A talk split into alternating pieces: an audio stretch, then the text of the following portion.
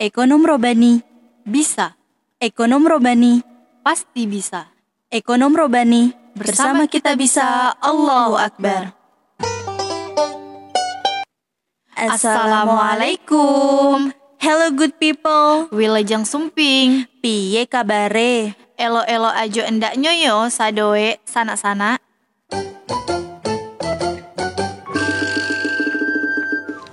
Welcome to Isef Podcast. Podcast semangat Dan berdaya. bersama aku Kia. Dan aku Anissa.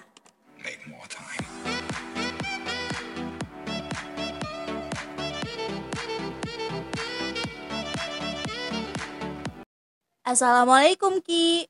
Waalaikumsalam, Sa. Ki lagi baca apa sih? Kok kayak serius banget? Iya nih, lagi baca artikel tentang yang lagi rame.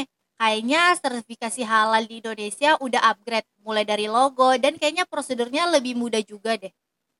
Iya ya, kayaknya perkembangan industri halal di Indonesia ini udah meningkat ya. Iya, tapi yang gue tahu cuma logo halal yang ada di makanan aja. Emang ada di lain-lain juga produk lain gitu? Ada loh Ki, bukan sektor makanan aja. Kemarin gue beli facial wash, ada kok logo halalnya. Oh iya, tapi di sektor yang lain ada nggak sih apa cuma di makanan dan kosmetik aja? Kayaknya sih ada Ki, gue juga kurang paham sih sama industri halal. Tapi gue ada nih Ki temen yang bisa kita ajak sharing tentang industri halal. Siapa tuh, Sa? Oke, kita langsung panggil aja gak sih Ki? Ih, boleh banget. Siapa itu? Oke, cek cek cek. Assalamualaikum Kak Arini, kata Skia. Waalaikumsalam Kia dan Nisa Halo. Gimana nih kak kabarnya? Kabar-kabar dulu gak sih? Betul Kita harus saling memberi kabar Terus gimana kabarnya Hmm. sekarang? Apa sehat, jasmani, rohani, aman, hati? Alhamdulillah Semua dari fisik Badan Kayaknya mental sih mental Perlu agak dipertanyakan ya sensitif ya kalau misalnya ngomongin mental. Oh, Semester berapa sekarang? Em, 8 kurang berapa nih? Udah dikit lagi detik-detik gak sih semester akhir? Happy gak nih happy? Ya kalau ditanya gimana ya Kita harus selalu harus happy dong, mau nggak mau gitu kan. Mau pura-pura atau yang beneran harus tetap terlihat betul. happy. Sepakat Kucing gimana kucing kak? Aduh ditanya kucing nih Waduh. Baru lahiran tuh kemarin Ntar kita jadi bahas kucing yang iya, beda lagi dong. Di Beda luar. bahasan Ya gimana Kia Nisa kabarnya? Alhamdulillah, baik-baik. Alhamdulillah, baik kok baik. Alhamdulillah. Lagi sibuk banget nih kayaknya ya organisasi-organisasi. Banget loh Lebih ke so sibuk sih. Soal sibuk, Soal sibuk bagus ya. ya. Yang penting kan masih dalam ranah kebaikan ya kesibukannya. Kalah ya. Hmm, kalau ditanya sibuk banget sih, alhamdulillah masih sibuk dengan Eh, kebaikan. eh, Gitu sibuk banget apa sibuk sekali nih? Apa dua kali? Tiga kali. Oke nih kak, langsung aja. Em, Kak Taskia ini dari Departemen HCM dan Kak Arini dari Departemen Kominfo. Kakak-kakak iya. berdua ini eh sangat bestinable banget nih. Aduh. Ya Allah. Makanya kayak kalau diundang satu, Tolong, satunya tolong. ngambek kayaknya. Eh, Ya udah, kita langsung undang berdua saking nggak bisa terpisahkan mereka berdua ini, Sa. Kayak gedebong pisang. Lebih ke ini sini. Ngikut, ikut biasa. yang Kita ngintilin pergi, siapa ya? Ke mana ikut pergi. Kak, jadi tadi tuh aku ngeliat Kia ya, dia tuh Hmm. lagi baca artikel. Nah, artikelnya itu tentang industri halal, tapi Kia bilang dia cuma paham tentang sektor makanan aja. Dan aku pun cuma bisa nambahin dari sektor kosmetik. Sebenarnya kalau industri halal itu ada sektor apa aja ya? Hmm, kalau setahu aku sih selain sektor makanan sama kosmetik tadi ya, ada lagi mungkin di sektor pariwisata seperti sektor perhotelan gitu dan juga ada sektor-sektor fashion seperti busana muslim gitu yang benar-benar sekarang kita pakai nih kayak benar-benar yang sesuai dengan syariat Islam. Nah, itu pun juga masuk ke sektor fashion itu sendiri. Itu Hmm. sih.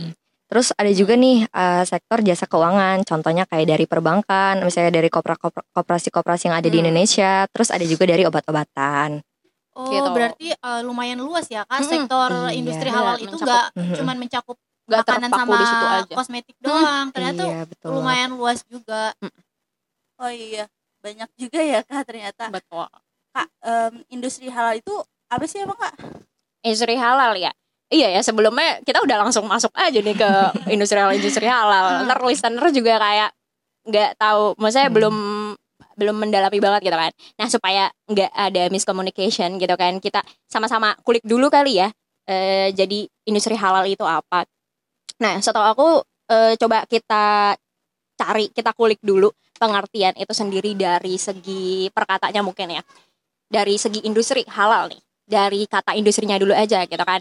Nah industri itu menurut aku menurut KBBI ya yang aku baca. Jadi industri ini sejenis eh, apa ya eh, kegiatan memproses atau mengolah barang dengan menggunakan sarana dan peralatan gitu. Dan juga eh, menggunakan mesin. Nah, jadi maksudnya apa? Industri ini adalah satu kegiatan mengolah nih, mengolah atau memproses barang. Jadi nama kegiatannya adalah industri ini sendiri gitu yang menggunakan sarana dan peralatan. Nah, sedangkan halal itu sendiri apa? Eh, halal itu sendiri artinya ialah diizinkan atau tidak dilarang oleh syariat Islam gitu. Nah, jadi industri halal ini apa? Nah, jadi industri halal ini sendiri kalau kita gabungkan artinya merupakan kegiatan memproses atau mengolah barang dengan menggunakan sarana dan peralatan yang diizinkan oleh syariat Islam gitu. Jadi ya kurang lebih eh ya deh eh, industri halal gitu. Jadi kayak kegiatan memproses barang nih tapi dengan eh, sarana dan prasarana yang sesuai dengan syariat Islam gitu juga gitu. Enggak yang di luar syariat Islam kayak gitu. Karena kan ada halalnya ya gitu. Jadi kegiatan lah kegiatan memproses barang itu sendiri gitu mungkin insya Allah cukup jelas gimana Iya, cukup Mm-mm. jelas sih kak. Kalau em, pihak apa aja sih kak yang memegang peran kunci dalam mendongkrak industri halal tanah air ini? Eh, sebenarnya ada lima pihak nih yang eh, memacu atau menjadikan faktor sebagai pemeran eh, dalam industri halal. Nah, ada apa aja sih? Jadi yang pertama itu ada DPR. Nah, DPR ini bertugas untuk mengawasi ya kan, mengawasi Mm. pelaksanaan karena memang tugas wewenangnya terkait fungsi anggaran pendapatan dan belanja negara. Lalu yang kedua ada Kementerian Agama. Nah, Kementerian Agama itu Itu sendiri ber ya. iya betul banget. Karena kan syariah gitu. Jadi Betul, emang harus. ya harus ikut berperan. berperan. Iya, berperan melakukan pembinaan dan pengawasan serta penyelenggaraan jas jaminan produk halal. Terus yang ketiga ada Kementerian Keuangan nih. Nah, Kementerian Keuangan berperan memberi anggaran dalam pelaksanaan jaminan produk halal. Lalu yang terakhir yang nggak kalah pentingnya yaitu Kementerian Perindustrian berperan melakukan pembinaan dan pengawasan pelaku usaha industri produsen produk halal. Nah, ada juga oh yang terakhir ternyata ada Apa tuh, lagi nih Kementerian Perdagangan ya kan. Jadi industri sama perdagangan ini sangat sangat menyangkut eh, lebih Ada gitu. keterkaitannya banget iya ya, banget. Nah, yaitu berperan melakukan pengaturan tatanan kegiatan dalam rangka transaksi barang dan atau jasa. Iya, jadi ada lima pihak ya yang tadi udah aku sebutin sebagai Mm-mm. faktor eh, adanya peran dalam industri halal itu sendiri. Oh, berarti eh, peran kunci dalam mendongkrak industri halal ini yang ada di tanah air itu ada lima ya kak. Pertama Iya. itu ada DPR, Mm-mm. ada Kementerian Agama, Keuangan, Industri dan Perdagangan. Iya, betul banget. Oke, nih Wes, kak. Eh, kak, negara mana yang menduduki indikator halal industri tertinggi di dunia? Ada yang tahu nggak? Tahu tahu nggak? Eh, kalau tadi sih aku udah kayak sempat searching gitu ya. Kebetulan abis baca dari sumbernya republika.co.id. Jadi Hmm. di negara Malaysia itu tuh masih merajai industri dan pasar halal gitu kan. Nah, iya jadi negara tersebut tuh memimpin indikator ekonomi Islam global selama lima tahun berturut-turut. Wah, ini bisa menjadi contoh banget ya dalam eh, lingkupan industri halal di dunia. Oh, berarti eh, yang paling tertinggi sekarang itu ada di negara Malaysia, Kak, yang Iya. paling memimpin. Nah, itu contoh banget sih, harus dicontohin sama negara-negara lain. Apalagi kita kayak Indonesia yang eh, nominalnya itu kan orang Islam ya, kebanyakan orang Islam betul gitu. harus banget Iya. Betul. Nah, seperti yang dikatakan juga dari Wakil Perdana Menteri Malaysia yaitu Datuk Seri Dr. Ahmad Zahid Hamidi. Nah, dalam per- eh, pidato pembukaannya di World Halal Week April 2018 lalu mengatakan bahwasannya Malaysia ini kembali memimpin indikator ekonomi Islam untuk lima tahun berturut-turut gitu. Jadi Wow. insya Allah valid Allah. lah ya, udah Mm. udah lingkupannya berita internasional Mm. kayak gitu. Kalau boleh tahu di mana tuh kak sektor yang udah menerapkan industri halal? Sektor yang sudah menerapkan ini ya industri halal. Eh, lumayan banyak sih setahu aku. Kayak contoh ini deh makanan dan minuman. Sektor makanan dan minuman seperti kita tahu ya kita sekarang udah eh, udah sering lah nemuin logo-logo halal di makanan minuman yang kita beli gitu. Bahkan sekarang kita lebih aware nggak sih ketika kita beli eh, satu produk makanan atau minuman yang kok nggak ada malah itu Hmm. jadi something yang aneh gitu Iya, ketika begitu nggak ada. Karena saking emang eh, alhamdulillahnya ya di Indonesia emang se apa semudah itu sertifikasi halal dan udah sudah sebanyak itu gitu nah itu Hmm. dari sektor makanan dan minuman Nah dari eh, sektor kosmetik pun juga kayak yang tadi cerita Nisa di awal kan, Nisa juga apa beli ini ya facial, Facial wash, wash, oh, betul. ada juga. Nah itu juga di di kosmetik pun juga sudah berkembang gitu di sektor farmasi juga dan ini nih fashion di fashion gitu kan seperti yang kita tahu juga sekarang eh gampang gak sih kita sebagai muslimah tuh di Indonesia kayak mau beli kerudung udah banyak banget gitu. Modelannya betul. kayak yaudah yang pasmina ada yang mau dililit ke mana Hmm, aja betul. ada. ada yang model sakaratul maut gitu kan gimana tuh? Gimana tuh kak? Ya dililit-lilit banget kecekek kali ya. Heeh, gitu kan. Dari segala macam ukuran bahan gitu udah yang apa ya udah ya pokoknya kita udah bebas deh gampang deh milih gitu di Indonesia pun. Mudah dicari ya kak. Mm, betul itulah di sektor fashion kan. Nah eh, di sektor fashion ini sendiri pun apa sih yang dinilai kehalalannya gitu? Nah pastinya yang sesuai dengan syariat Islam pun gitu. Busana sih lebih ke busana. Mungkin busana yang enggak ini ya. Bukan mungkin emang pasti ya. Busana yang enggak ke enggak nerawang enggak yang terbuka yang eh, yang menutup batasan-batasan aurat yang memang sudah disyariatkan Islam gitu. Itu kan bener-bener apa ya kemajuan di dunia fashion banget gitu. Gitu sih itu dari fashion. Nah yang terakhir ada dari sektor pariwisata nih yang kemarin baru aku kayak tahu banget ya. Nggak tahu sih mungkin Karin ini udah ini udah sering lihat kali ya orang Bogor.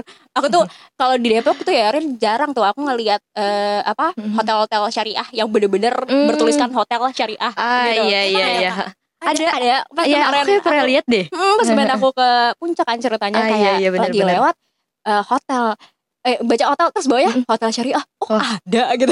Maksudnya bukan yang bukan yang gimana ya kayak kaget aja Sa- karena Mm. emang ya jarang gitu. Bisa kan hotel hotel doh hotel biasa. Ah, iya. terus mungkin kalau Hmm, misalnya hotel syariah itu prosedurnya harus menyertakan buku nikah nggak sih? Ah bisa jadi ya kan? Iya, karena zaman Harus sekarang nikah tuh nggak ah iya.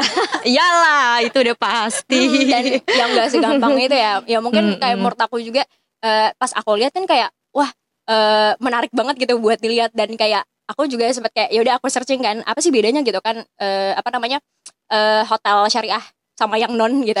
Nah itu tuh kayak ya udah dari segi mekanismenya tuh terus juga transaksi transaksi transaksinya gitu kan Hmm. yang mungkin menghindarkan riba juga Iya, segala macam gitu. Dari segi mekanisme dan segala macam halnya regulasi gitu gitu nah itu sih yang baru banget aku temuin tuh di sektor apa tuh tadi pariwisata itu sendiri gitu. Oh iya ternyata Mm-mm. Ternyata banyak juga ya kak kayak kita tuh mencakup sektor makanan minuman Mm-mm, udah banyak banget di Indonesia kosmetik tuh. terus fashion juga dan pariwisata. Dan aku juga yang orang Bogor sebenarnya baru tahu juga loh kak kalau ada hotel syariah. Aku juga sebenarnya nggak Iya. sengaja banget Kayaknya- ngeliat. karena kan Bogor luas ya. Mainnya kurang jauh kak. Oh mainnya bisa aja lah ke Bandung. Jadi Bogor sendiri nggak pernah dijelajahin semuanya gitu. Ke Bandung mulu sih nih misalnya iya. Ke sektor Bandung. Oh iya kak. Eh, ini kenapa di Indonesia itu perlu menerapkan sistem industri halal Nah, nah, nah, gimana ya? Kalau ditanya, ya penting banget, perlu banget gitu. Hmm. Ya udah kita udah tahu ya, bener-bener di Indonesia apa yang ya mayoritasnya mayoritas Islam gitu kan ya Muslim, muslimat.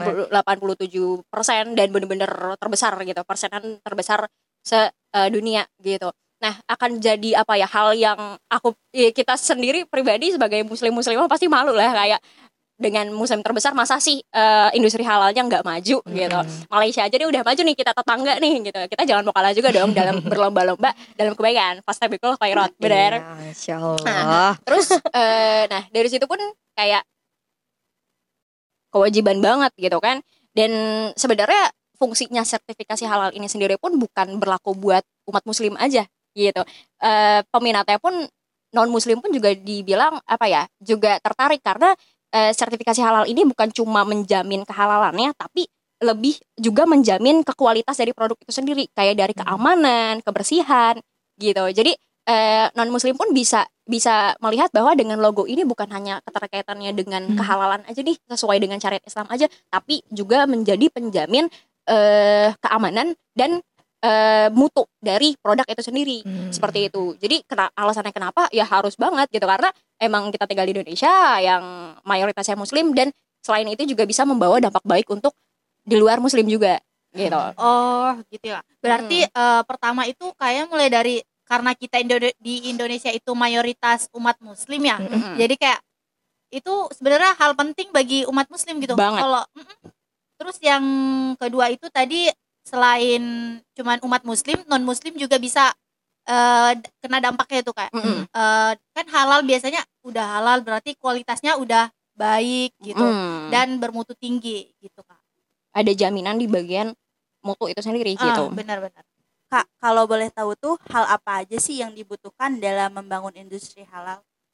Ya, Hmm, Jadi gini, eh, yang namanya membangun industri halal itu jauh lebih penting kan untuk membangun pertumbuhan ekonomi Indonesia ke depan. Jadi ada berkesinambungannya nih. Nah, apa aja sih? Nah, jadi ternyata ada tiga hal untuk membangun industri halal. Yang Wah, pertama betul, ini bahan baku. Iya, jadi contoh kecil nih, misalnya kuas. Kuas ini eh, bahan berbahan dasarnya tuh dari apa sih? Hewani atau eh, tumbuhan? Nah, kalau misalnya dari bahan bulu babi kan nggak ada yang tahu gitu ya. Jadi emang harus benar-benar diperhatikan banget nih bahan bakunya. Terus yang kedua ada cara memprosesnya. Contohnya kalau misalnya kita menyembeli ayam gitu ya, Mm-mm. masih masih dalam contoh sektor makanan ya.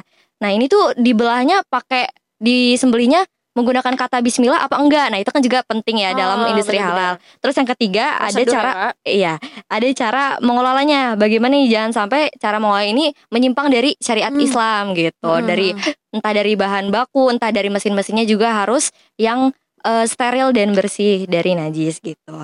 Nah, jadi jangan sampai di Indonesia itu hanya dijadikan objek Mm-mm. pasar produk halal, tapi kita juga yang harus bisa memproduksi, harus bisa yang membangunnya gitu.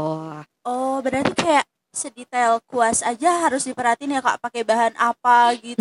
Apalagi aku juga suka pakai kuas buat kosmetik kan tuh ya. ah iya iya Suka- bener. Biasanya. Kayak harus tahu juga ini tuh dari bulu apa sih yang dipakai apakah ini eh, masih termasuk halal atau emang non non halal gitu ya Hmm. kak. Mungkin kalau udah kita ngomongin kuas gitu ya, itu kan eh, yang tadi aku bilang ada yang hewan, ada yang tumbuhan, mungkin terus ada juga dari plastik. Nah mungkin kalau Oh. misalnya kita membeli kuas, Mm-mm. alangkah lebih baiknya gitu ya, alangkah lebih berhati-hati kita mengambil pilihan untuk membeli yang plastik kayak gitu. Iya Kita cari kayak aman ya, kita Iya, juga cari aman harus tahu kayak bahan bakunya apa, cara prosesnya bagaimana dan mengelolanya juga gimana gitu loh ya kak. Mhm, mhm, mhm, Apakah iya. emang itu udah sesuai prosedur syariat Islam atau belum gitu ya? Betul banget betul. Oh iya kak. Ini eh, ngomong-ngomong sejak kapan sih industri halal ditetapkan di Indonesia? ini ya Ki, kapan diterapkannya gitu ya di Indonesia?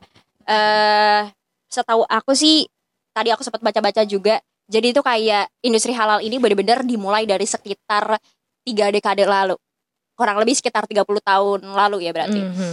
Mhm. Eh, itu tuh tepatnya di 1000 berarti 30 sekarang 2002 ya, 2022. 2002. Sekitar 1992-an Hmm. gitu. Nah, itu awalnya ada di bidang jasa keuangan gitu. Nah, produknya apa? Jadi produk di bidang jasa keuangan ini adalah bank syariah itu sendiri. Pasti Hmm. pada tahu kan bank syariah pertama di Indonesia yang muncul apa? Bang apa ya? Bang, Bang Muamalat bukan sih? Muamalat. Eh. Nah, yang berdirinya itu sekitar tanggal 1 November 1991 atau 2 gitu. 91 Hmm. kalau nggak salah ya pastinya. Nah, sekitar 91 atau 92 itu. Nah, muncullah Bank Syariah ini sendiri yang eh, sudah membawa ya kalau dibilang kan ya, sudah membawa industri halal ini sendiri ke Indonesia dalam sektor jasa keuangan ini sendiri gitu. Jadi dimulai dari eh, sektor itu dan di tahun de, sekitar tahun eh, sekitar tiga dekade tahun lalu gitu sekitar tiga Oh. dekade lalu Oh berarti dimulai Gitu. dari tiga dekade lalu ya kak, sekitar 30 30 tahun yang lalu lah ya. Mhm. Awalnya itu eh, di bidang jasa keuangan itu di Bank Muamalah. Ya, Iya. bener kan ya? Mm-mm. Bang Muamalah. itu dari web katadata.co.id Gak kerasa nih teman-teman kita udah ada di penghujung podcast ya. Buat Kak Arini sama Kak Teskia boleh dong closing statementnya? Waduh, closing statement udah kayak pembicara-pembicara Duh. handal aja kita Rin. closing statement ya.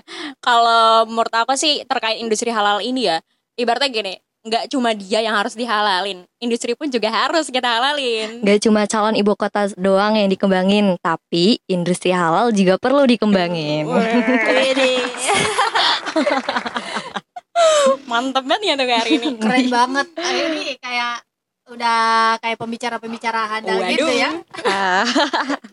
Oke, by the way, terima kasih banyak nih buat Kak Arini sama Kak Teskia yang sudah Sama-sama. meluangkan waktu. Thank you for having banyak us. juga udah bisa ngundang kita di sini ya. Betul. Satu Iya, kehormatan. terima kasih banyak pokoknya kakak semua. Oke, sampai jumpa lagi di segmen Isef podcast selanjutnya. Stay tune. Wassalamualaikum warahmatullahi wabarakatuh.